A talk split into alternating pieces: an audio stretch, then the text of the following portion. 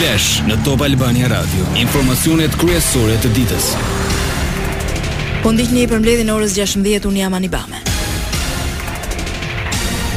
Për sot parashikohet rritje e prurjeve në lumenjtë Drin, Buna, Mat dhe Vjosë, për pasojë pritet shtimi i përmbytjeve në zonën e Nënshkodrës dhe zonën periferike të qytetit në afërsi të liqenit. Ministri i Mbrojtjes Niko Peleshi tha se rrezik të shtuar për përmbytje ka edhe në lumin Vjosa. Ai deklaroi se jemi pranë niveleve kritike, por se projeksionet nuk janë pesimiste, duke pasur parasysh vijimin e intensitetit të reshjeve në ditët në vazhdim. Në qarqet Shkodër, Kukës, Dibër, Lezhë, Elbasan, Vlorë dhe Gjirokastër pritet të ketë vërshime të lumenjve si dhe rrëshqitje të dherave. Sa i përket furnizimit me energji elektrike, Peleshi informoi se kjo është një problematikë që shoqëron këtë periudhë të reshjeve të larta dhe erës së fortë. Ka pasur disa ndërprerje të tjera në zonat Shkodër, Kukës, Korçë, Gjirokastër, Fier dhe Elbasan. Strukturat e OSHEE-së po punojnë për rikthimin e energjisë. Në qarkun e Shkodrës ka dalje të Bunës në Muriqan dhe Oblikë dhe sipërfaqja e përmbytur është rreth nëntëqind e pesëdhjetë hektarë. Në Malësi të Madhe ka pasur prezencë uji në dy banesa. Në bashkinë e Durrësit kanali i ujërave të larta ka dalje nga shtrati në tokat bujqësore përreth, Në qarkun Kukës janë në kuota maksimale rezervuaret në disa fshatra dhe janë marrë masat nga bashkia për shkarkime të ujit në këto rezervuare. Autoriteti rrugor shqiptar informon se në Tamarë-Vermosh pati reshje dëbore dhe u punua me mjete dhe punëtorë, ndërsa qarkullimi kryhet pa probleme.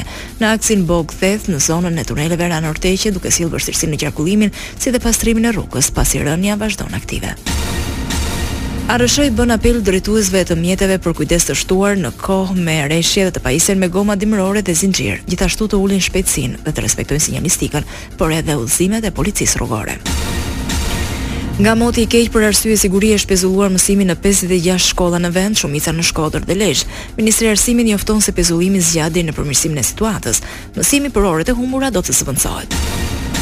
Paralajmërime nga moti i keq edhe në Kosovë, Instituti Hidrometeorologjik paralajmëron se ditët në vijim mund të ketë përmbytje në disa pjesë të vendit si pasojë e shirave. Në një postim në Facebook, ky institut thotë se reshjet e ditëve të fundit kanë shkaktuar vetëm përmbytje të lokalizuara në pjesët perëndimore, veriperëndimore dhe veriore të Kosovës. Si pasojë e reshjeve mund të jenë shkaktuar rrëshqitje të dheut, mbyllje të kanalizimeve dhe vështirësi në qarkullim. Për sot, vendi ynë do të vijojë të ndikohet nga masa ajrore të paqëndrueshme dhe të lagështa me origjinë jugperëndimore. Moti parashikohet me vranësira mesatare dhe të dendura. Vranësirat do shoqërohen me reshje shiu të herëpashershme dhe lokalisht të vazhdueshme me intensitet të ulët dhe kryesisht mesatar në formën e shtrëngatave në pjesën më të madhe të territorit. Lajmet në internet në adresën www.topalbaniaradio.com. Ish-kryebashkiaku i Kavajës Elvis Rroshi ishte në Prokurorinë e Posaçme Antikorrupsion ku u pyet për rreth një orë. Në përfundim u largua pa dhënë asnjë prononcim për mediat, ndërsa u kujdes që të mos dukej në kamera. Spak është duke hetuar për abuzime me tenderat publikë në Bashkinë e Kavajës gjatë kohës që ky institucion drejtohej nga Elvis Roshi.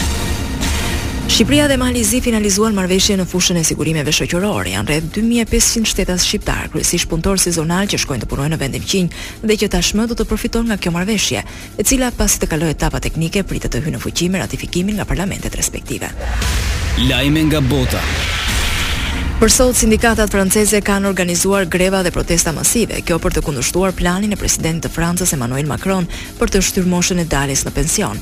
Projektligji që pritet të diskutohet në parlament përcakton që mosha zyrtare për të mos punuar më të shtyhet nga gjashtëdhjetë e dy sa është aktualisht në gjashtëdhjetë e katër. Po rritet presioni mbi Gjermaninë për të furnizuar Ukrainën me tanke, ndërsa gjatë një fjalimi online presidenti Volodymyr Zelensky kritikoi hezitimin për dërgimin e armëve të rënda në vendin e pushtuar. Zelensky i ka kërkuar Berlinit të dërgojë tanke luftarake Leopard 2, por deri më tani kancelari gjerman Olaf Scholz u ka rezistuar thirrjeve. duke thënë se ai duhet të ndiqte hapat e aleatëve të NATO-s, përkaqësisht SHBA-ve.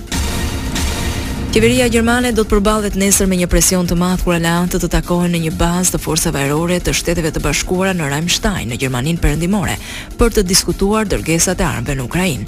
Presioni në Berlin po vjen nga pothuajse të gjitha frontet. Në Kiev, kreu i zyrës së presidentit, Andriy Yermak, bëri sërish thirrje për dërgimin e tankeve në Ukrainë. Gjermania nuk varet më nga importet ruse për furnizimet me energji. Ministri i Financave Christian Lindner bëri të ditur se prej nisjes së luftës ruse në Ukrainë, Berlini e ka diversifikuar plotësisht infrastrukturën e energjisë. Rusia e ka ndalur furnizimin me gaz në Evropë duke rritur shqetësimet për këtë dimër, por Gjermania ia doli të gjejë burime të reja të energjisë. Jacinda Ardern dha dorëheqjen si kryeministre e Zelandës së Re duke thënë se ndihet e pafuqishme për të qeverisur. Të dielën deputetët e Partisë Laburiste do të votojnë për ta zëvendësuar. Njoftimi vjen në kohën kur sondazhet tregojnë se partia e saj përballet me një sfidë të vështirë në zgjedhjet që pritet të mbahen më katërmbëdhjetë tetor. Ardern do të qëndrojë në pushtet deri më shtatë shkurt. Këtu kemi përfunduar, mirudëgjofshim në edicionin e orës shtatëmbëdhjetë. Kjo është Top Albania Radio.